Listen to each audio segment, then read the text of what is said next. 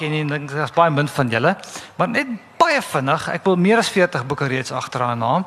Sy is ook 'n dokter, da kok deesda.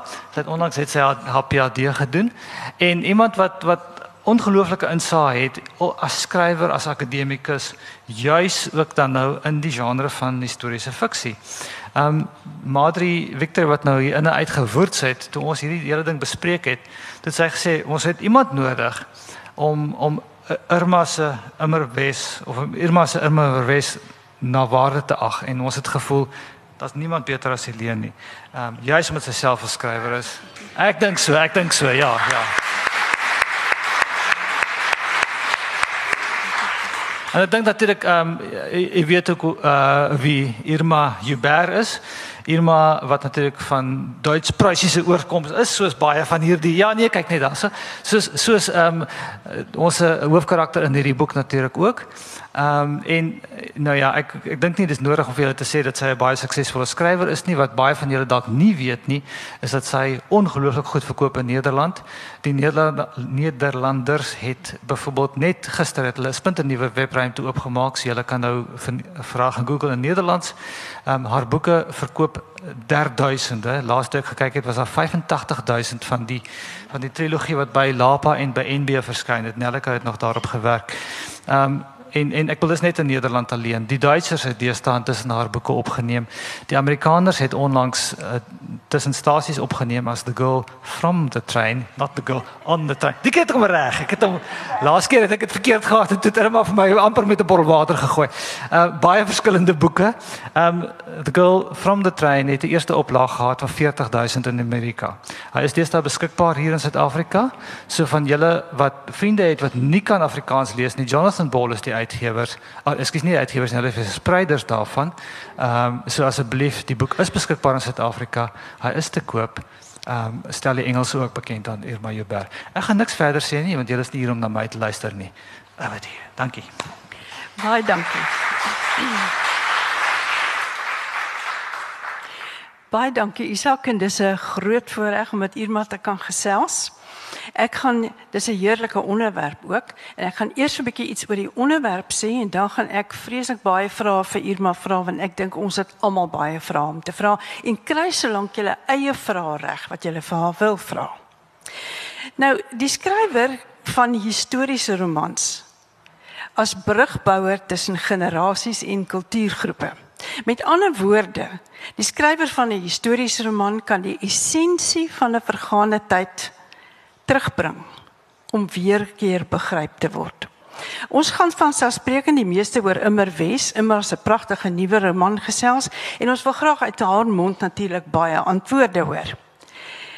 Ek en sy gaan daaroor gesels en dit sal wonderlik wees as julle so lank julle vrae reg kry. Ter inleiding is dit moontlik goed as ons die eerste oor tydgees gesels. Geen historiese roman kan gelees word sonder dat die leser daarvan bewus moet raak dat hierdie in 'n ander era plaasvind met ander kulture, ander identiteit, ander werklikheidsbeeld.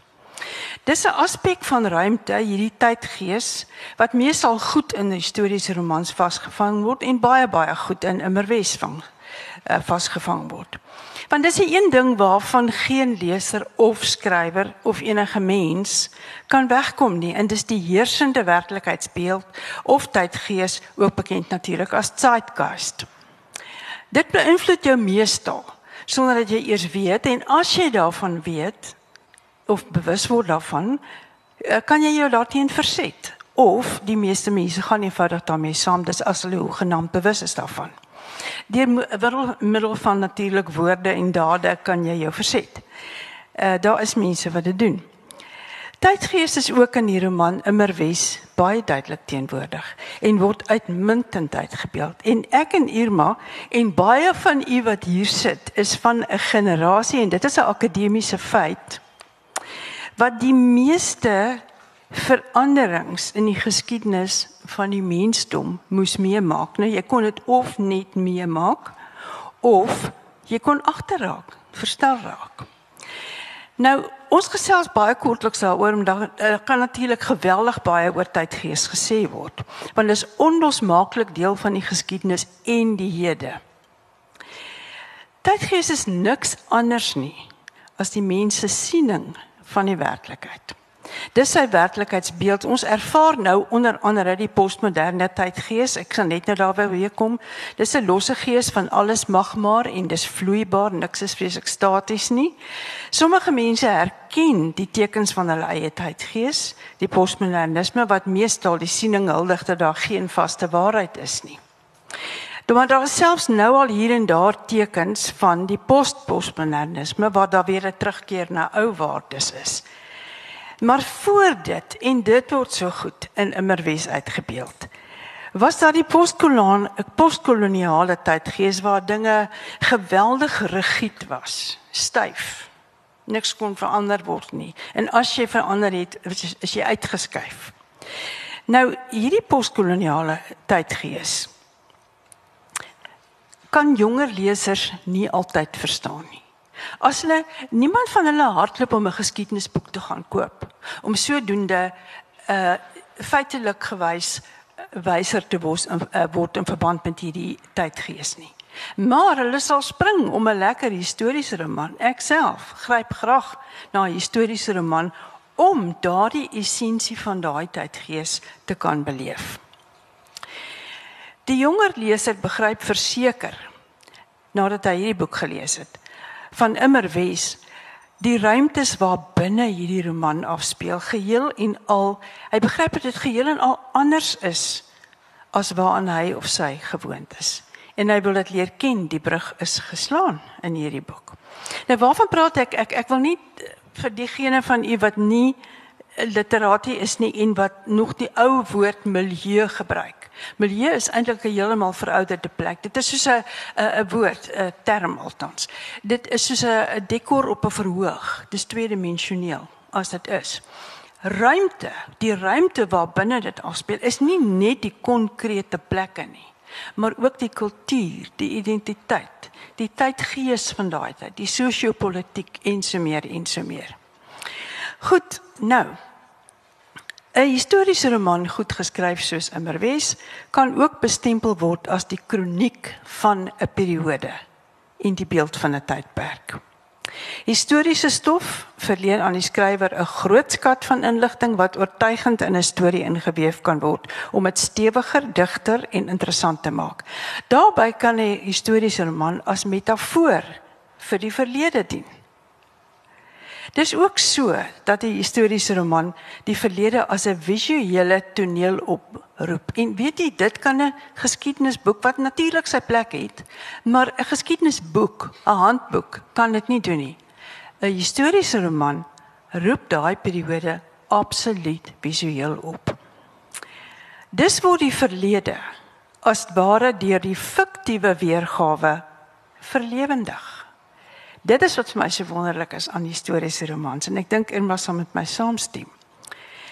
Nou ja, die historiese roman hark lesers nader wat 'n geskiedenisboek nie kan doen nie. Die jong heldin in Immerwes, Hildegard, sê self aan die student Gustaf: "Vertel die werklikheid soos 'n storie." Die fiktiewe kan die feitelike inderdaad ondersteun en baie helder belig. Dit Irma doen jy uitstekend in jou romans. Goed. Hierdie Irma Immerwes illustreer dan vir ons die postkoloniale tydgees en nie net dit nie, dit betrek die leser en die oomblik wat die leser identifiseer word daai brug geslaan tussen die verlede en die hede. 'n Mens ervaar dit in die algehele beleenheid van hierdie verhaal. Goed, jong mense gebore en getoe in die postmoderne tydgees kan verseker kennis opdoen van ander forme van tydgees wat deur historiese deur historiese romans te lees. En ek vermoed baie skrywers van historiese romans wanneer hulle dit skryf, besef nie dat hulle eintlik besig is om byna vergete wêrelde weer op te roep en vir lesers oop te maak. Nou dit was wat ek graag wou gesê het oor die historiese roman. Ek self was lief om dit te skryf. En ek wil nou vir Irma sê, ek het agter in die boek gesien dat jy terwyl jy Immerwes geskryf het, werklik ook deur diep waters gegaan het. Ek moet sê dis 'n pragtige, baie hartseer storie want oorlog is bitter hartseer. Veral vir vrouens en kinders. Jou eie ervaring van smart het bepaald hier neerslag gevind en jy's dit maak dit eg. Wil jy ons so iets daarvan vertel? Sjoe, ek is nie so letterkundige soos my dierbare kollega hier langs my nie. So ek gaan net ehm um, gesels. Is dit natuurlik? natuurlik. Bedoel jy ek moet praat van wat agter in die boek is? Ja, jy het daar genoem dat Ja. jy ja. Uh, nee, jy weet my ma was ehm um, altyd Jy gaan my nou in 'n grens kry man. My ma was altyd my klankbord gewees in baie opsigte want ek skryf oor 'n tyd toe my ma jonk was. En my ma was by Nina opgeleide verpleegster, so in geweldig baie van my boeke ehm um, is daar baie oor verpleging en so aan, want ek het die perfekte bron gehad. Meer as dit en dit is waar die tydsgees inkom. Ek kan my nie indink met byvoorbeeld die inwyding van die Voortrekker Monument in ander kant Pontenilo. Wat het daar alles gebeur nie? My ma was daar gewees. Sy was 'n jong meisie met die hoeksteenlegging. Sy was 'n jong vrou met die inwyding en sy kon vir my alles presies vertel. Met Immerwes het sy haar heup gebreek op 91 en sy het 'n suksesvolle heupvervanging gehad op 91. Maar natuurlik dit het lang hospitalisasie beteken en ek het langs haar bed gesit en sy het vir my deur die Eerste Wêreldoorlog, dis hoekom Hildegard gaan werk het in 'n hospitaal. Ek het my my absolute ensiklopedie aan my sy gehad. Ons was in 'n hospitaal gewees en sy het vir my al die inligting gegee wat ek wou gee, tydsgees, nê? En sy kon vir my presies sê, jy kan nie laat sy dit doen nie. Uh dit en dit en dit gaan gebeur. Dan sê ek, okay, Moekie, maar nie vir my in detail vertel nie. Ek is nie 'n vreeslike ou verbloed en so aan nie, maar sê net vir my wat moet ek skryf, nê? En dan sê sy vir my nou presies gesê. En my ma daarna weer geloop, sy het op die waarheid te sê, dit reg gekry om met mense se hulp na die aasvoël ehm um, restaurant in die Drakensberge te gaan en daarso aasvoëls te gaan kyk wat vir haar absoluut 'n hoogtepunt in haar lewe was. Ongelukkig omtrent 6 of 8 maande later moes sy toe 'n galblaasoperasie kry en toe ek weer langs haar bed sit, is dit Tweede Wêreldoorlog en die twee operasies was te na aan mekaar. En ek het lank langs haar bed gesit. Sy het my nog herken, maar sy kon nie meer haar geweldige kennis met my deel nie. En dit was my geweldig hartseer geweest. Ek het geweet sy was 91. Uh, ek bedoel dit is tyd om te gaan en sy was gereed om te gaan. Maar dit bly 'n geweldige hartseer saak. Goed, daarna het ehm um, het ek aangegaan met die boek en uh, die hartseer is verby want ek ek ja, ek is 'n tipe mens wat so iets kan aanvaar veral van iemand van 91. En toe ek nou net mooietjies vir Hildegard moet Duits Wes toe bring wat regtig waar traumaties was vir haar, toe word my hartsvriendin met dieselfde ding ook 'n galblaasoperasie word geopereer, dis 'n klein operasie, iets gaan verkeerd en sy eindig met septisemia. En vir dae en dae veg sy om haar lewe en sy wil net een mens by haar hê en dis ek en ek sit met 'n wat ons noem 'n deadline. Ja. En ek sit langs haar bed en skryf omdat ehm um, ek moet en as sy bykom dan sê ek ek is hier en sy het geweet sy is besig om dood te gaan. Dis hoekom ek by haar bly en as ek weggaan word sy kwaad. So dit was vir my 'n baie moeilike tyd. Selfs na sy beter geword het, het sy vir weke en weke gesukkel om haar lewenslus terug te kry. En ek dink amper daardie hele hartseer van omtrent 'n jaar lank het uitgevloei in die boek in. So ekskuus as hy te hartseer is, ek probeer my bes om die volgende oorlog 'n lekker vrolike oorlog te maak. Nee, dis Weet nie. jy, daar's iets anders wat ek vir jou wil Ja. sê van tydsgees. Julle weet, uh, die van julle wat my boeke ken en ek vermoed dit is meeste van julle, ek hou van 'n sterk vroue karakter. Ek hou nie van iemand wat so sal ja en amen sê vir alles en so aan nie. En Hildegard het my later geïrriteer. Sy sy het nie opgestaan teen haar pa nie. Sy het nie opgestaan teen haar man nie. My alla wêreld, ek sou vir hom gesê het wat ek dink. Sy het nie geweet sy kon nie. Sy het nie Sy geweet kon nie eintlik nie. Ja. Dis die Nee, sy kon tydsgees. Sy kon nie. Sy kon nie haar kinders self grootmaak nie. Sy was 'n adelike Duitse vrou in 'n sekere stand in die 30er jare, jy het getrou met wie jy moes in 1919, jy het ge, jou kinders op 'n sekere manier grootgemaak. Mm. En daai tydsgees het my 'n bietjie begin vang. So ek was mm. heeltemal bly geweet toe die Tweede Wêreldoorlog uitbreek mm. en ehm um, sy ten minste 'n bietjie 'n lewe van haar eie kan begin kry. nee, dit is tog baie uh, waar en baie opvallend dat dit wat 'n outeur beleef, uh vind tog neerslag in die werk. Dit is so suurdeeg en brood. Jy's nie uh, jy proe dit nie. Uh so dit het nie die storie iets jy weet gemaak wat dit nie moes wees nie. Dit was presies dit. Jy weet, mense het dit nie geproe nie, maar het geweet dis daar. So dit is dis baie reg. En dan die titel. Die eerste vlak van kommunikasie tussen 'n skrywer en 'n leser is dikwels die titel van die werk. Is natuurlik ander titels wat nou nie so is nie, maar so 'n titel skep betekenisverwagtinge. 'n Titel is immers die skrywer se heel eerste aanbieding. Dis dis wat die leser eers te sien. En Irma met immer wes, net soos met verbode drif, Wat 'n verskriklike mooi storie vir my was. Oeh, regtig. Daai Jood is is absoluut fantasties. Ja, maar jy het die ja, titel verkeerd verstaan, hoor. Maar In elk geval, jy gebruik pragtige ouer Afrikaanse woorde en maak dit weer nuut. Jy's jy's bekend vir jou besondere mooi titels. Wil jy ons iets vertel daarvan? Ehm um, weet julle uh, oor die ouer Afrikaanse woorde, ek probeer dit juis gebruik. Hmm. En dan was daar al so enkele resensies wat sê dis jammer sy gebruik sulke oudtydse taal. Dit is vir my 'n absolute kompliment. Ek probeer oudtydse taal gebruik. Dis deel van die tydsgees ja. waarvan ons ja. nou gepraat ja. het. Dis vir hmm. my die essensie om die waarheid te sê. Ek vat gewoonlik 'n bandopnemer saam as ek gaan onderhoude doen, want hmm. sodra mense begin praat oor 'n tyd van lank terug, dan verander hulle taalgebruik. Hulle sal nie meer praat van 'n radio nie, maar 'n draadloos. En dan ja. onthou ek, dit is wat hy in die 50's genoem is, ja. nê? Ja. Immer was vir my een van daardie woorde. Immer wat beteken altyd en ek het nou regtig gehoop die dis 'n Nederlandse woord en 'n Duitse woord. Ek het gehoop hulle sal my pragtige titel behou. Mm. En ehm um, die Nederlanders het die geweldige oorspronklike titel gebruik van Hildegard. Wat sê dit? Alhoewel ek wou nou juist daarna teruggekom het.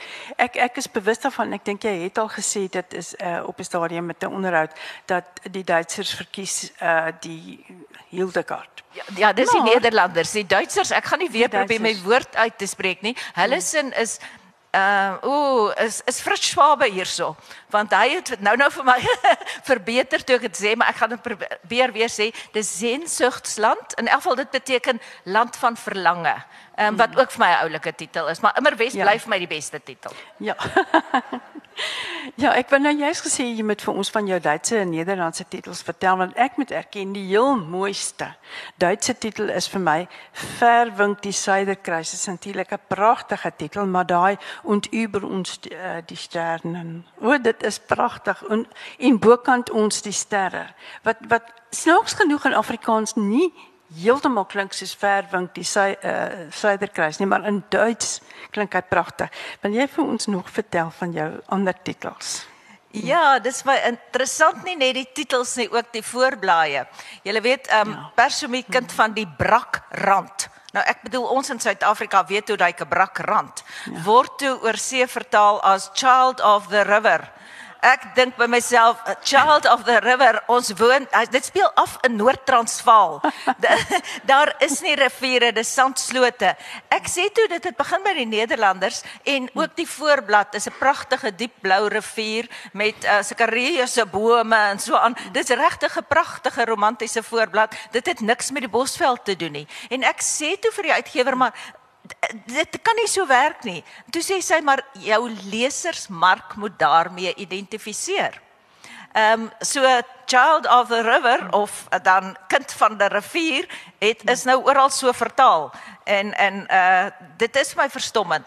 Uh, die die ek vind die Amerikaners het vir my 'n ongelooflike mooi voorblad ontwerp. Ehm um, hulle het nou ook uh, Persian uh, Child of the River vertaal, maar ehm um, hulle ontwerpe is my is my geweldig goed. Ek ek uh, daar's ook vir my 'n geweldige verskil tussen lande se voorblaaie. en ek het nou al geleer party lande hou van meer soetsappige voorblaaie en ander hou van meer realistiese voorblaaie. Dis net interessant, baie. Dan kom ons by die ruimtes eh, waar binne immerwies afspeel. Ek wil weer sê ruimte is is is alles omvattend. Dit sluit tot ek wil amper sê die mens se siege in want alles wat jy beleef en wat jy sien en wat jy hoor met jou sintuie en alles wat jy kan omvat is die ruimte waarbinne jy lewe. Nou die konkrete plekke. Kom ons bly eers eers die konkrete plekke. Vertel vir ons. Ja. Wat ek hier wou skep is die absolute kontras tussen Pruise of dan die noorde van Duitsland en Duits Suidwes-Afrika, Suidwes-Afrika. Hmm. En dis hoekom die titel Land van Verlange vir my so uh, eintlik 'n mooi titel is, omdat hierdie man dink op 'n stadium of hy sê op 'n stadium, dit voel vir hom of hy uit die warm hart van Afrika geruk is en in die koue woude van Pruise oorgelaat is aan sy lot. En dan later as Hildegard in Duitswes kom en julle weet sy het uit in in Februarie het sy uit Duitsland uit vertrek. So dit is bitter bitter koud. Hulle kom aan op Walvisbaai want dis waar hulle moet land. En dit is misterig en koud.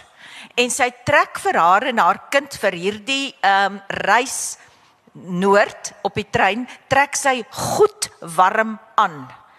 En dan tref hulle natuurlik die woestyn en sodat sy teen die end van daardie dag foos gebrand net voel dit voel vir haar of sy uit die koue koel of uit die koel groen woude van Pruise uitgeruk is en oorgelaat is aan die noodlot op hierdie warm sandvelde van Afrika. En ehm um, daar was die ruimtes vir my geweldig belangrik. Ook die ruimte van die adelike huis wat jy nou weer gesê het van die ja. die tydsgees nê nee? en dan uiteindelik die ruimte van nog 'n adelike huis in Windhoek maar in die agterkamer. Die ruimtes. Dis my altyd ek dink jy kan geweldige atmosfeer en miskien ironie skep deur die ruimtes. Ja, en ook die feit dat um, ek het gevind dat as jy die ruimte 'n bietjie verander, die konkrete ruimte, plekke verander, interesseer dit lesers nogal baie. Ja. En wat vir my baie gefassineer het is die abstraksies van daai ruimtes, die verskillende kulture, die verskillende identiteite, die verskillende werklikheidsbeelde wat mense gehad het. Sê vir my hoe hoe het jy dit bestudeer want dis vir my nogal is baie navorsing geverg sekerlik. Ehm um, ek dink amper my navorsing behalwe nou die feite, die feite is maar vas, nê. Nee. Ja. En dit kan mens uit enige boek uitkry, uit ja. enige historie goeie historiese bron. Hm. Maar die ander goed kry mens uit onderhoude uit. Ehm um, mense wat vir jou vertel en hoe meer in in ek is 'n totale storie mens. As iemand begin vir my 'n storie vertel en ek begin geïnteresseerd dalk dan word dit my storie sodat ek geheel en al opgeneem word in die storie. En dan soek ek baie keer vir daardie kom ons noem dit dan 'n atmosfeer ja, wat ja, geskep moet ja, word, nê, nee? om om hierdie korrekte gevoel oor te dra vir die leser sodat die leser voel hy is nou in Pruise in 'n adelike huis of in Duitsland um in Berlyn in die 20s met uh, Marlene Dietrich wat aan die nagklub optree of wat ook al. En en en dit dit kry 'n mens hoofsaaklik uit onderhoude met mense wat spontaan vertel en dan moet jy as skrywer of as verteller vir die storie. Ek ek sien myself as 'n verteller, nie 'n skrywer nie. 'n Verteller van stories. Ehm um, moet dit dan absoluut jou eie kan maak en jouself daarin kan indink en dit op 'n manier kan oordra, ehm um, of eintlik net jou jou verbeelding loslaat. Laat hy laat hy dit op papier sit. Jy moenie probeer inmeng nie. Dis baie belangrik vir my. Ja, en dit is die groot verskil dink ek tussen die feite wat daar moet wees en fiksie. Die oomblik wat jy dit fiktief aanbied, is so duidelik aanbied, kan die leser identifiseer. Vir my is die ja. feite vas. Die feite staan ja. soos 'n koei, nee, ja. jy kan hom nie verander ja. nie. Maar die fiksie kan jy heerlik invleg en as jy dit totaal invleg, dan word feit en fiksie so een dat die hele boek geloofwaardig word. Absoluut, Laat die ja. mense nie meer weet wie, wat is feit en wat is fiksie nie. Eintlik weet hulle wat se feite, maar dan glo hulle die fiksie. Ja. ja. Ja. Nee, definitief. Jy het 'n bietjie vertel van jou reise. Kyk, uh, om daai verskillende forme van kulture te beleef, jy weet as as ek nou dink aan eh, Duitswes wat jy van gepraat het wat nou Namibië is en dit is twee absolute eistes. Ja, reis is deel van kyk ek verbind mos nou gewoonlik maar 'n Europese land met 'n uh, met Suid-Afrikaanse geskiedenis. En eintlik is ek bly ek maar die geskiedenis juffrou wat uh, vir die mense nou net bietjie meer wil vertel van ons hmm. geskiedenis. En ehm um, Maar nou voel ek mens moet so toe reis. Nou my man reis baie moeilik met na enige plek waar hy nie met sy 4x4 kan gaan nie. En wie julle om nou deur te ry na Duitsland toe met die 4x4 gaan net nie lekker werk nie. So toe besluit ek 'n klomp jare gelede toe ek besig was met tussenstasies, maar ek sal my oudste seun saamvat want julle weet 'n mens uh, offer eintlik baie op vir jou kinders. Kyk jy staan 2 ure in die nag op vir hulle en troos hulle as hulle huil en sulke tipe goeters. En toe sê ek vir hom ehm um, ons gaan oor see, ons gaan navorsing doen in Pole. Hy sê julle moet dit baie geniet. Ek sê jy verstaan nie mooi nie. Ek en jy gaan. Hy sê goed, maar dit klink interessant. Wie betaal? Ek sê wel, ek is die pensionaris. Ek betaal vir myself, jy betaal vir jouself. En op 'n stadium toe sê ek vir hom ons gaan onder andere Auschwitz toe. Toe sê hy vir my moeder, ek stel nie belang in Auschwitz toe te gaan nie. Ek wil eintlik nie gaan nie. Toe sê ek vir hom, weet jy wat Jan, Jan, eintlik gaan jy saam met jou bejaarde moeder want. Onthou jy toe jy klein was, jy weet daai tipe ding. Ehm um, ek dink reis is essensieel. Ek dink nie ja. die son kom nie dieselfde op nee. hier by ons en hy sak nie dieselfde as in Duitsland of in Pole of wat ook al nie. Ek het ook ehm um, uh, 'n hele 10 dae in Berlyn deurgebring en ek dink omtrent 5 van die 10 dae net in die museum daar om navorsing te doen. Ehm um, weer eens Jan Jan het saam met my in die strate van Berlyn gestap en ek het foto's geneem van moontlike uh huise waarin Hildegard kon gebly het terwyl sy daar was. Ons het vir tussenstasies dwars deur gery van uh Katowice af uh, tot in ehm um, uh, Amsterdam sodat mense kyk die treine lyk vandag anders maar die treinspore lyk nog dieselfde die bome lyk dieselfde al daardie tipe dinge. Ehm um, ek dink amper die reise is geweldig belangrik. Toe ek nou met vir hierdie boek navorsing gedoen het in Duitswes, het ek byvoorbeeld soos Hildegard moes stap van die huis wat ek nou min of meer gekies het waar die baron sou gewees gewoon het, het ek afgestap na die winkels toe. Dit was heeltemal 'n ervaring, maar toe moet ek terugstap en dit was opdraande en ek was in Januarie in in Windhoek gewees. ek het besluit ek gaan volgende keer nie heeltemal soveel navorsing doen vir my. Weet jy, dit klink geweldig interessant en natuurlik ek sit nou so en luister na jou. As 'n skrywer gaan reis, beval veral 'n skrywer van 'n historiese roman, dan word die tyd as ware weggevee. Totaal, jy's ja. reg. Want 'n mens ja. kyk verby die moderne goed na dinge wat bestaan het in daardie tyd ja. wat jy geskryf het. Ja. En en voor jou geestesoog het jy die klere drag, die kultuur, uh, moes jy uh, vir jouself voorgestel het uh, gewoontes, kos, koskultuur. Iemand het eendag vir my gevra, "Skus tog, hoekom skryf jy oor kos in jou boeke?" Maar natuurlik skryf mense oor kos. Kos is deel absoluut deel van ons kultuur. En jy, jy het dit baie goed ook uitgebeeld in Immerwes wat hulle eet, hoe hulle dit eet. Uh dis baie belangrik. En weet jy, dis eintlik 'n vreeslike moeilike deel van kos. Jy weet ja. wat het mense geëet? Kom ons sê teen die einde van die oorlog in Berlyn. En as jy nie iemand kry wat dit vir jou kan vertel nie, dan, dan dit is staan nie regtig oral in boeke nie. En hmm. dan moet 'n mens dit nou nog in werk sodat dit werklik waar uh geloofwaardig is. Ehm um, uh, uh, ja, dit moet deel van die storie word. Dit moenie gegewens word nie. Ek wil vreeslik graag hier 'n klein stukkie lees as ek ja, mag. Asseblief. Um, die uh, Hildegard onthou nou Hildegard en beide Hildegard en Andreas is twee adellikes. En op 'n stadium gaan Andreas vir hulle kos soek omdat ehm um, Hildegard nie eintlik meer kan uitgaan nie. Ons het ver oggend in 'n ander boekbespreking ook weer gehoor van wandade wat in die oorlog gepleeg word. So die Russe was reeds binne in Berlyn en sy kan nie meer uitgaan nie. Andreas is 'n ou ou man. Julle meeste van julle het die boek gelees, maar hierdie stuk het iemand my vertel en daarom het ek dit ingebring. Hy het nou gaan kos soek. Daar was 'n groot hoop vrot aartappels. Ek het hierdie paar daartussen uitgesoek, sê Andreas.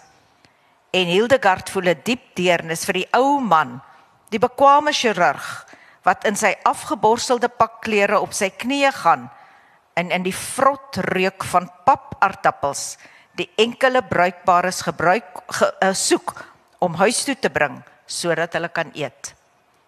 En dit is die werklikheid van wat in Duitsland, nie net in Duitsland nie, in Europa in die oorlog gebeur het. Toe ek hierdie stukkie gelees het 'n week gelede in Swakopmund, was daar 'n vrou wat in trane uitgebars het. Ek het vreeslik sleg gevoel daaroor. En toe sy vir my vertel wat hulle geëet het. Verskriklik. So van kos gepraat. Ja, ja, nee, dit is geweldig interessant want dit is 'n 'n uh, integrale deel van 'n leefwyse. Jy kan dit tog nie verswyg nie. Dit is is baie goed. Ek wil nou oor Hildegard praat en ek wil dan ietsie sê oor 'n uh, skrywer se herinnering. Maar ek sê vir jou uitvra daaroor ook. Die welenwee van die hoofkarakter Hildegard gryp mens ongelooflik aan die hart. Ek het dikwels na aan trane gevoel toe ek die boek lees. Mens kan amper nie dink dat daar werklik so 'n tyd was weer eens hiersoos by tydgees en dit dit so deur mans gedomeineerde kultuur was. Nou ek is baie lief vir my man en ek weet dat Irma baie lief is vir haar. Maar ek dink nie 'n mens kan jou indink hoe erg die dominasie was nie. Nou daar word gesê dat skrywers uit herinnering skryf. Dit is trouens nie net iets wat gesê word nie, dit is 'n feit. Jy kan nie sonder herinnering skryf nie. Mens skryf tog uit ervaring, maar fiksie is meer as blote reportage of oorvertelling. Jou ervaring en herinnering word getransmuteer as dit na 'n karakter oorgedra word. Aan die ander woorde dit is dit bly jou interne ervaring, maar jy plaas dit oor na die karakter toe en uiteindelik word dit hare. So amper so asof dit nooit joune was nie. Nou dit het ek nogal waargeneem dink ek of gesien in in uh dit is die kiem waaruit 'n karakter se ervaring spruit. Sou jy saamstem dat jou ervaring van smart tot 'n mate die kiem was waaruit Hildegard se smart voorgekom het? Ehm um, ek glo nie werklik nie. Ek dink miskien het dit uh, bygedra tot die skryfproses. Maar ehm um, Hildegard se storie is 'n ware storie wat 'n man my vertel het. Ek bedank hom ook agter in die boek. En dan het ek na baie verskeie ander ware stories geluister en daaruit het Hildegard se persoonlikheid vir my ontwikkel. Dieselfde met Hildegard se ma. Iemand het vir my of uh, verskeie mense het al vir my gesê ag nee man, ek bedoel dit was dan te erg. Maar ek ken iemand wat se ma so is. Ehm um, en en en dit bestaan, dis die werklikheid en miskien veral dan in daardie tyd. So ek dink amper die karakters wat ons wat in my kop begin lewe of in hulle trek later in my huis in, die ehm um, is nie soveel gebou op herinnering nie. Vir my is dit die basiese storie wat aan my vertel is en sodra ek daai basiese storie hoor, is dit 'n sneller wat in my kop afgaan en dan begin dit ontwikkel en dit begin groei. En dan as ek op 'n plek kom waar ek navorsing doen, byvoorbeeld in Duitsland of wat ook al, sien ek vir Hildegard op al die plekke. En hoe meer navorsing ek doen, hoe meer ek met mense praat, hoe meer ek oplees, hoe meer plekke ek besoek, hoe duideliker word Hildegard vir my, sodat ek haar voordat ek begin skryf totaal leer ken. Maar ek weet nie ehm um, of die want ek is 'n vreeslike planmatige mens. My hele storie is beplan voor die tyd. En ek dink amper uh, my eie hartseer in die tyd wat ek geskryf het, het nie soveel invloed gehad op Hildegard nie as miskien eerder op die kom ons sê dan maar egtheid van my eie van my skryfwerk. Ja, maar dis daardie transmutasie wat ek van praat. Jy weet, dit wat jy oorspronklik hoor en dit wat jy oorspronklik ervaar, ondergaan 'n transmutasie voordat dit uiteindelik daar uitkom en dit maak dit reg. Jy weet, dit is Ja, ek ja. ek ek, ek ervaar dat die karakter begin karakter kry, dat sy begin groei, ja. jy weet, en dis hoekom vir, ja. vir Hildegard tot tyd daar wou skop as sy so alles doen wat almal vir haar sê. Ja. Sy sy moes ja. regtig vir haarself reg geruk het, maar sy wou nie. Maar ek is nou nog steeds by Hildegard. Sy word omring deur liefdeloosheid, haar streng kliniese kulpa, haar onaangename ma, haar Duitse man wat nooit besef of wil weet dat sy 'n mens in eie reg is. Nie sy word tot in 'n geselskap geïgnoreer. Ek kon dit amper nie glo nie, maar ek weet vir 'n feit dit is die waarheid. Dis soos dit was. Sy koester haar tot voor haar troue en daarna nog steeds in die nanny wat haar jare gelede verlaat het se warmte. Hierdie vele situasies, sommige deur die politiek en wêreldgebeure meegebring, waar jou heldin innerlik wel 'n baie sterk vrou haarself as ware moes negeer om in te pas by haar omstandighede. Laat die leser soms voel dat hy of sy wil ingryp. Jy voel magteloos namens Hildegard. Nie net die leser nie, die ja, skrywer ook. Die skrywer ook. Ja. Ja, terwyl jy weet dat jy eintlik so moet aangaan. Dit is dit is die tydgees en jy as skrywer kan jou ongelukkig nie teen daai tydgees verset nie. Maar ek as leser het 'n matelose simpatie met haar gehad. Vertel ons hoe jy as skrywer gevoel het toe jy dit uitgebeeld het. Jy moes tog grootliks empatie gehad het. Hmm. Miskien meer irritasie. Ehm um, weet jy, ek het eintlik haar man aan 'n aan die een kant jammer gekry. Kyk, hy het vir hom 'n jonger, hy was baie lief vir sy vrou. Mm. En hy het net vir hom 'n jonger ja. weergawe van sy vrou gekry.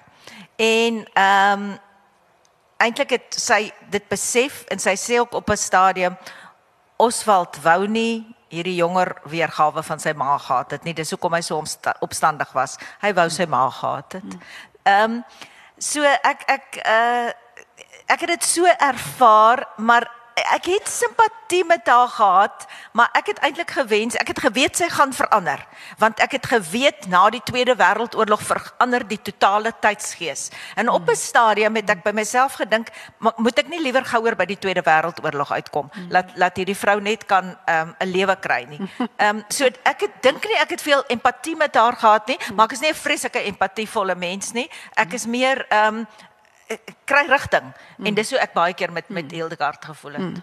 Sy moet nou koers kry. Sy moet ja. nou koers kry en ek het, ek kon geweet, maar my die probleem is mense karakters luister nie na jou nie. Want ek het vir haar baie goeie raad gegee en hulle ignoreer 'n mens en, en en nou ja, dan moet hulle nou maar 'n bietjie swaar kry. dan 'n ander aspek, eh, die religieuse inslag. Hildegard dink baie aan die Here, praat met hom, wonder oor die dood en wou nog vra vra oor God en die dood aan Nanny voordat sy weg is. Daar staan al sulke voorbeelde in die verhaal. Die roman het met ander woorde 'n sterk religieuse inslag. God kom selfs op die agterflap al ter sprake. Alhoewel dit wel in daardie era nie geheel en al ongewoon was nie, was dit tot redelik onlangs in die meeste romans taamlik verswyg behalwe in spesifiek nou Christelike literatuur. Ek dink dit is wonderlik dat jy die heldin se innige spontane verbintenis met God so moeiteloos deur die roman vleg dit op sigself kan gesien word as 'n teken van die en nou praat ek ek hoop daar's akademici of ek hoop liewer nie daar's akademici nie gehoor nie maar hulle praat van 'n post-postmoderne tydgees. Wat beteken 'n terugkeer na ouer waardes? Nou natuurlik kan jy jou daarteen verset, dis jou goeie reg. Dis die voortvloeisel van die postmodernisme, maar nou hierdie nuwe tydgees wil wil deurslaan in die kunste as jy bietjie mooi dink aan sommige televisieprogramme, byvoorbeeld Blue Bloods en so meer en so meer. Kan jy mense dit hier en daar al waarneem? Hierdie terugkeer na ou waardes en juis dit omdat jy dit so moeiteloos en spontaan en eg doen bou dit 'n brug na ander nuwe generasies wat dit lees. Ek wou dit net vir genoem het. Het jy dit met opset gedoen? Het jy dit vanuit jouself gedoen? Is dit hoe jy dit doen? Ja, ek ehm um, ek self is 'n is 'n baie baie uh gelowige mens en ek praat met die Here almekaar. Ehm um, dit is net vir my van nature so en ek dink nie ek sal my dag kom son, deurkom sonder hom nie. En ehm um, ek was eintlik in die begin toe hulle vir my sê oor see word al my uh boeke uitgee as Christelike letterkunde en ek was verstom geweest. Ehm um, want ek bedoel vir my is dit 'n ander ek skryf historiese romans. Ek skryf nie Christelike literatuur nie. En ehm um, toe sê hulle vir my nee, maar dit kom oral uit. En dit is nie opsetlik nie. Mm. Dis ek het dit glad nie in gedagte nie. Ek dink nie ek kan anders skryf nie. Ek ehm um, dis hoe ek skryf. Dis hoe ek is. En ek mm. dink daar's vreeslik baie van myself in die boeke in. Ek dink mense kry nie jouself regtig. Nee, nee, jy kry jouself beslis nie daar uit nie en dit is nie. ook 'n akademiese feit dat die skrywer se werklikheidsbeeld ja, definitief neerslag vind Maak maak jy self wat jy skryf nie. Jy ja. weet in in jou boeke. So, so ek dink dit is ja. totaal spontaan. Ek bedoel as ek as, as daar moeilikheid is, as 'n bom op my huis val, sal julle my daaroor bid, hoor. Regtig waar. En ek bedoel ek ek ken geen ander manier nie. Mm. Daar's mos nie 'n ander wel in my nee. verwysingsraamwerk is daar nie 'n ander manier om dit te hanteer nie. So dis nee. hoe my karakters dit ja, hanteer. Dit kom baie duidelik uit in jou boek. Dis reg. Wat het jou in die roman Immer Wes uiteindelik na Duits Wes die huidige Namibië gebring? Het jy 'n persoonlike verbintenis met Namibië? Ongelukkig nie, maar ek was al op verskeie boekbekendstellings by Namibië en ek is vreeslik lief vir Namibië. Dis ons vakansiehou plek. Ehm um, uh dwars deur hele Namibië en Botswana, dis die lekkerste plekke in die wêreld. En ehm um, toe sê die Namibiërs vir my, "Maar jy weet wat? Jy bring altyd die mense terug Suid-Afrika. Toe ons is Afrikaanse lesers hier in Namibië. Bring bietjie iemand na Namibië toe." Nou ek het gesit met hierdie verhaal wat ek wou vertel. Nou die persoon Rod wat sy ma se verhaal vir my vertel het wat ook in Rusland begin het, hoor, maar sy ma is net gebore in 1998 1898. Hildegard is gebore in 1900 eenvoudig omdat my wiskunde besonder swak is. So nou weet ek sy's 5 jaar oud as die Russiese oorlog uitbreek. Ek weet sy's 14 as die Eerste Wêreldoorlog uitbreek ensovoorts, né? Ek sien lus vir moeilike somme nie. Maar in elk geval, ek weet nie meer wat was die vraag nie. Ooh.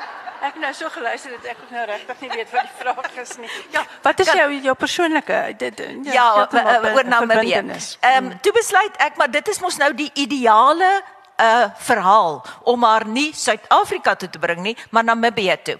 Ehm uh, mense ek mense hartland bly maar die plek waar jy gebore is. Mm. En ek het dit agtergekom, ek bedoel ons het vir 40 jaar lank in Durban gebly, um, in Natal. En dis nie my hartsland nie. My hartsland is die Bosveld waar ek vir 18 die eerste 18 jaar van my lewe gebly het en daarna nooit weer nie. Maar toe ek nou in Namibië kyk, toe sien ek nee, maar hy lyk daar regtig soos die Bosveld. Hulle riviere is ook nie diep en blou nie. Hulle is ook sand en en en kameeldoring en daai tipe ding. En dis hoekom ek baie maklik na Namibië toe kon kon gegaan het. Dan my ouma het vir my as klein klein dogtertjie van Oos-Pruise vertel en ehm um, sy het daardie absolute belangstelling. Ek het eintlik my verbeel ek is ehm um, deel van die Oos-Pruisiese adel wat hulle mag verloor het nadat uh, Bismarck alles ehm um, verenig het en uh, sy het eintlik ook vir my gesê my oupa was van Hollandse afkom. Ek ehm um, ek kan trots wees op my Duitse afkoms en ek hoef nie vir mense te vertel ek is ook halfpad Hollands nie. So dis waar my liefde vir Duitsland en dan vir Duitswes vandaan gekom het, ja. Daar was 'n algemene wanpersepsie dat skryf uh, van liefdesverhale 'n soort van uitstorting van emosie op papier is. Nou dis bepaald nie waar nie. Daar mag seker skrywers wees wat so skryf, maar ek het gevind dit verg aanhoudende studie. En vir al hierdie feitelike navorsing, kyk, ek en jy het albei geskiedenis van matriek gegee op 'n stadium. Maar en, en ek weet jy moet bytendien by die feite hou. Wanneer doen jy doen jy dit alles voor die tyd? Is dit in jou geheuebank of het jy het jy baie natuurlike kennis of doen jy dit al gaande terwyl jy skryf? Ek probeer al my navorsing voor die tyd doen. Dis beslis nie in 'n geheuebank nie. Ek onthou nie eens mense se name nie. Ehm um, uh, ja, so ek eh, doen my navorsing, maar wat ek wel doen is ek deel my hoofstukke. Uh, soos ek gesê het, my wiskunde is nie baie goed nie en ek deel my hoofstukke vooraf in 15 hoofstukke van 10000 woorde elk. Dan weet ek dis min of meer uh, 150000 woorde wat ek wil skryf. En soos ek navorsing doen, sit ek dit dadelik in die regte hoofstuk. So ek weet hierdie moet die krisis hoofstuk wees en dit die hierdie is die bekendstelling en hierdie is een van die verwikkelinge en daar's die klimaks ensovoorts. So uh, dit is hoe ek my navorsing doen en as ek dan begin skryf, is absoluut al my navorsing klaar gedoen en ek kan net skryf. Maar daarna is daar nog steeds baie keer dat 'n mens vashak en dink, maar weet jy wat, hier wil iets nie lekker gel nie. En dan moet 'n mens maar teruggaan na navorsing doen toe. Ja. Ja. So daar gebeur dalk iets in 'n hoofstuk eh, wat jy nie werklik beplan het nie wat wat jy wie kom 'n karakter aan dalk of of iets en dan ja. moet jy weer. Ja, ja, dis baie keer uit navorsing uit wat jy agterkom maar hier is 'n klein sypaadjie. Mens moet natuurlik bly konsentreer op die storie ja. want jy moet 'n enkel storie hê. Maar hier's 'n ja. klein interessante sypaadjie, soos byvoorbeeld die ehm um, die die Olimpiese spele van 1936. Toe ek nou sien hierdie boek raak nou so hartseer uh, uh, almal gaan uh, uh, regtig sit en huil. Toe bring ek maar die Olimpiese spele in waar daar jy kan die boek lees waar daar 'n kostelike gebeurtenis is. En dan dan bring mens mens vat sulke klein sypaadjies ja. Ja. Ompaadjies. Ompaadjies. Ek dink daar's 'n hele paar voornemende skrywers in die gehoor. Ek het altyd so 'n gevoel daar is. Ek wil nou vir jou so 'n paar vrae oor die skryfkuns vra. Sê vir my, jy het dit nou eintlik redelik beantwoord, maar jy het jy 'n raamwerk waar volgens jy geheel en al. Ehm um, ek het vir wel ten eerste het ek vir amper 40 jaar Afrikaans ook op skool gegee en ek het vir kinders geleer skryf en toe ek self moet skryf het nie idee gehad waar om te begin nie. So ek sou sê voornemende skryf skrywers begin by skryfskole. Doen soveel kursusse soos wat nodig is sodat jy die die basis het. Ek stel myself 'n totale raamwerk op. Ek weet daar is skrywers wat kan die, laat die storie vir hulle dikteer. Ehm um, ek is miskien 'n te uh, 'n te georganiseerde mens wat dit aanbetref. So ek werk op 'n raamwerk en ek weet waar gaan ek heen en as dit nie heeltemal uitwerk kan ek aanpas. Ehm um, ek bly nie suiwer by daai raamwerk nie, maar gewoonlik werk dit uit. Ja. Uh, ek wil daarbey aansluit hier te sê dat 'n mens het wel 'n raamwerk en as die karakters verlewendig kan hy bietjie verander. Ja, ja, hulle hulle luister nie vir jou nie soos ek al gesê het nê. Nee, hulle hulle klim ja. uit die raamwerk uit en jy het ja. al jou dae om hulle net weer op hok te kry. Ja. Irma, baseer jy ooit karakters op mense wat jy ken? Nee. Nee, my karakters te lewe van hulle eie, hulle aard nie na iemand nie. Hulle hulle begin self lewe in my huis. Dis ehm um, ja. Hulle praat met mekaar klip hard dat ek hulle kan hoor. Daar's niks verkeerd met my nie, ek beloof. Kom daar soms karakters by wat jy nie vooraf bedink het nie. Kom um, hulle aan. Ek sou eerder sê hm. karakters wat ek vooraf bedink het, party van hulle wil nie werk nie en dan skop ek hulle uit en ander ontwikkel net totaal beter as wat ek ooit gedink het. En 'n hmm. voorbeeld daarvan is Olga wat uh, die diensmeisie ja. was. Ja. Wat regtig waar net die diensmeisie was, het nie begin eers 'n naam gehad nie. En toe word sy vir my een van die ja. lekkerste karakters in die hele boek. So ek dink amper ja, dit dit gebeur wel. Daar ja. kom wel karakters by of hulle ontwikkel eerder tot baie belangriker karakters as wat mense hulle aanvanklik bedink het. Dieselfde met klein Esther. Ek het nooit gedink sy gaan heeltemal so verspot en in oordadig wees nie en sy is 'n heerlike karakter tot ja, soveel so dat ja, sy in die derde boek van die trilogie gaan sy een van die hoofkarakters. Ek wil nou net vra. Ek wil nou net vra. Hoor ons weer vanaand. O ja, Estherkie is daar. Dis hoekom sy in 1940 gebore is sodat ek man uitwerk hoe oud sy gaan wees in 1972. Ja. Sy sou eers in 1939 gebore gewees het, dis 'n te moeilike som. ek, dit laat my nou wonder. Ek wil nou, ek, ek dink nou sommer daaraan sonder om die storie weg te gee. Hildegard se kinders uh, was hulle van die begin af in jou raamwerk en Esther ook of nie? Ja, Is ja, het? al die kinders was van die begin af in die raamwerk. Die ja. twee stiefseuns, een stiefseun gaan terugkom hoor, daar wag probleme ensovoorts. Ja. En dan redigeer. Uh dis my altyd interessant as 'n uh, skrywer sê ek skryf eers alles klaar en dan redigeer ek. Ek glo nie daaraan nie. Ek glo aan skryf en dan mikroredigering elke dag die volgende dag mikroredigeer jy dit wat jy die vorige dag gedoen het en as jy heeltemal klaar is dan doen jy die makroredigering en dis maar een keer uh, ek ek praat mense redigeer eintlik aan mekaar. Skryf is herskryf. Ja, ja, absoluut. Die ding is jy moet alles wat jy gister of die week geskryf het, moet jy weer lees elke oggend ja. om in die ding in te kom en dan op die ou end vat jy omtrent 4 ure om die eerste deel van die hoofstuk te lees omdat jy die hele tyd verbeter. Ehm um, en dan ek probeer om as ek klaar is met 'n hoofstuk om te los en dan met te begin met 'n nuwe hoofstuk, maar soos jy sê en dan stuk stuk. As ek byvoorbeeld klaar is met die totale Eerste Wêreldoorlog wat mm. oor 3 hoofstukke strek, mm. sal ek dit weer redigeer. Ja, maar die ja. redigering ge gebeur gedurig. Gedurig, ja. Ek dink ek kan nie onthou of dit Tolkien is wat gesê het dit is uh, jy skryf so, dis die see wat uitstoot en dan kom hy terug en dan stoot hy weer 'n bietjie en dan kom hy terug en dit is min of meer die proses. Ja, absoluut. Goed, sê vir ons wanneer skryf jy? Ek skryf wanneer ek tyd het. ja. Nee, ek is baie eerlik. Ehm um, uh, uh, ons is Ons is geweldig afgetree en ons is baie lief vir vakansie en vir reis en al so aan mm.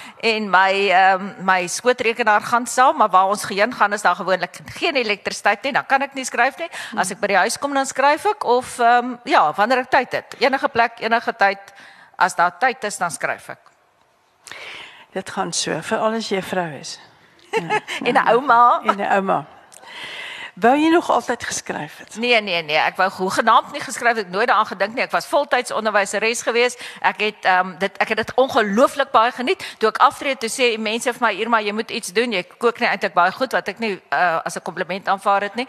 Ehm um, jy ehm um, is nie baie goed met naaldwerk nie. Jy as jy iets plant in die tuin gaan dit dood. Wat gaan jy doen as jy nou wil aftree? En ek moes aftree. Ek my lyf het te moeg geword. Toe sê ek ag man, ek sal skryf. Dit kan nie so moeilik wees nie. Helfte van my familie skryf. En toe begin ek skryf. Lekker. Nee, ons is almal regtig. Ek het nooit 'n droom gehad om te skryf nie. Ek het ek Ons is almal baie bly daaroor, hoor. Watter raad kan jy aan voornemende skrywers gee? Uh, my raad het ek eintlik al gegee, naamlik mm. begin onder, jy moet eers skryf en jy moet eers leer sit mm. en dis by die skryfskool. Daarna begin jy met eenvoudige verhale, moenie jou groot verhaal skryf nie en die groot geheim van skryf is die ABC, apply bottom to chair. Ja.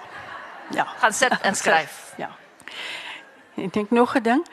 Ehm um, ek glo ook nie daaraan dat 'n mens hoegenaamd 'n manuskrip inhandig as jy hom nie self eers van absoluut A tot Z geredigeer het nie.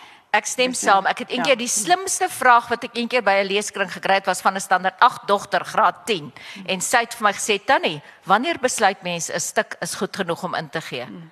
En ek het nie 'n antwoord vir haar gehad nie want jou hy's nooit goed genoeg nie. Jy kan altyd verbeter, maar op 'n stadium moet jy maar ophou. Nee, dit is so. Dis dit. Dit moet ophou. Ekskuus. Ons hou dadelik op. nou maar goed, dit was 'n verskriklike lekker gesprek vir my met jou. En ek wil net dit sê, die historiese roman lê tussen die liminare eh, terrein tussen fiksie en werklikheid. Deels waar, deels onwaar.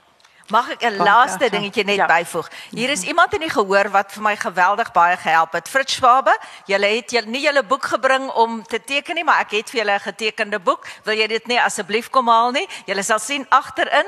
Ehm um, uh bedank ek ook vir Fritz Schwabe en sonder mense soos Fritz Schwabe wat na my toe kom met sy wonderlike stories, kan ek nie 'n boek soos Immerwes skryf nie. Baie dankie.